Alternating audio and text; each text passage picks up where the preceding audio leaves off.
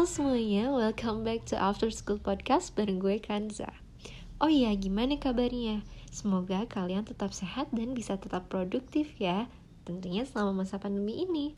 Nggak terasa ternyata banyak banget perubahan sama proses belajar kita saat ini. Seperti yang kita tahu, negara kita punya tantangan yang besar banget untuk penanganan pandemi COVID-19 yang akhirnya berpengaruh juga sama sektor pendidikan. Kebijakan cycle distancing atau menjaga jarak secara fisik untuk meminimalisir persebaran COVID-19 menghasilkan beberapa kebijakan baru. Salah satunya mengubah cara belajar mengajar siswa dan guru dengan kebijakan belajar di rumah. Belajar online yang tadinya mungkin hanya tren bagi sebagian orang, malah berubah menjadi salah satu solusi utama bagi semua pelajar di masa pandemi ini. Secara positif, pembelajaran ini sangat membantu keberlangsungan pembelajaran di masa pandemi. Guru dan siswa akan tetap aman berada pada tempat atau rumahnya masing-masing tanpa harus keluar rumah dan bertatap muka secara langsung.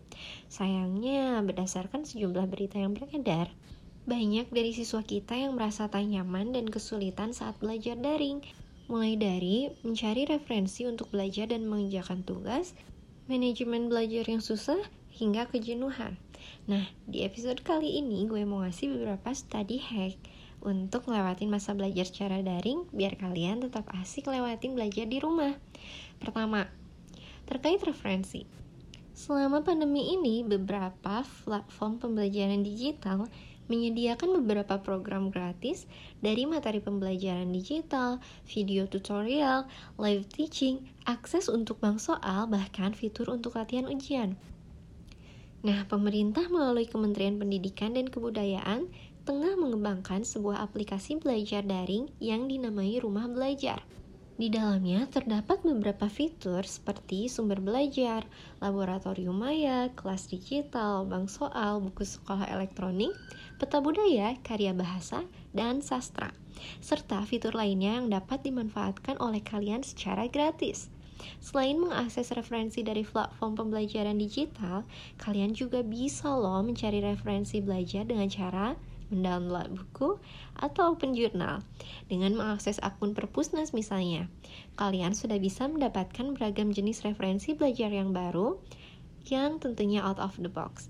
Belajar di masa pandemi ini mengajak kita untuk lebih kreatif dan berani keluar dari zona nyaman. Agar kita nggak bosan dan bisa belajar lebih optimal, kita jangan ragu untuk berani mencoba hal-hal yang baru tentunya, termasuk menambah referensi-referensi belajar kita selain yang kita dapatkan dari sekolah.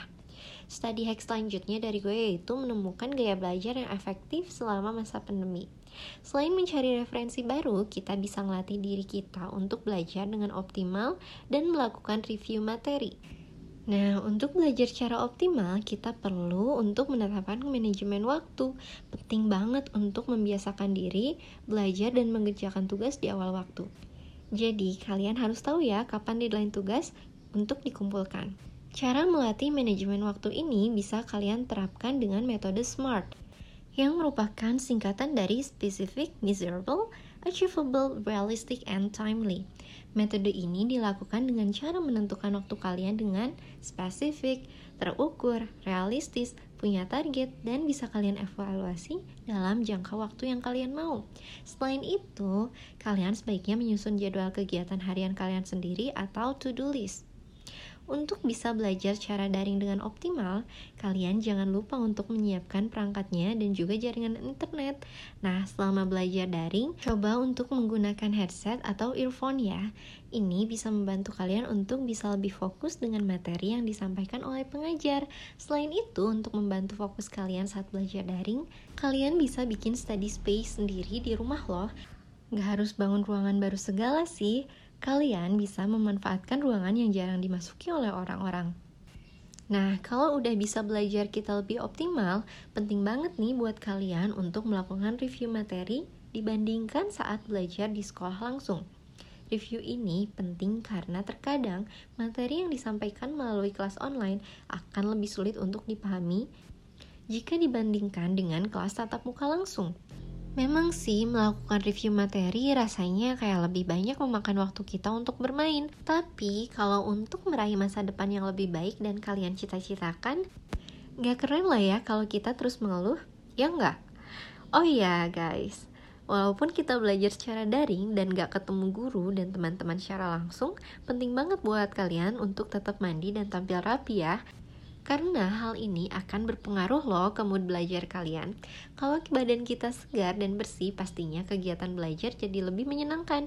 Selain hal-hal yang udah gue bagi ke kalian sebelumnya, Selama kalian belajar secara daring di rumah, kalian bisa belajar sambil mendengarkan musik loh. Kalian bisa bikin playlist lagu yang kalian suka. Tapi hal ini kembali ke kalian ya. Kalau kalian malah terganggu dengan keberadaan musik ketika belajar, maka tinggalkan.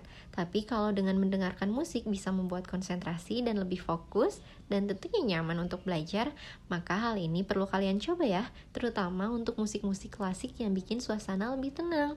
Selain itu, biar kalian enjoy dan gak jenuh ngerjain tugas, kalian bisa menyediakan camilan atau minuman yang kalian suka. Amunisi perbekalan ini kadang ampuh banget loh buat nambahin semangat belajar. Nah, untuk bikin suasana belajar yang beda, kalian bisa bikin ruang diskusi khusus bersama teman-teman kalian melalui video call, Zoom, Google Meeting, dan masih banyak lagi.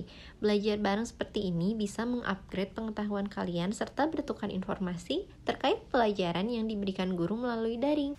Selain itu, membuat kita merasa nggak sendirian saat belajar.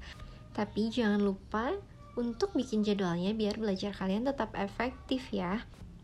Situasi pandemi ini memang hal baru banget buat kita dan rasanya kadang berat banget sih.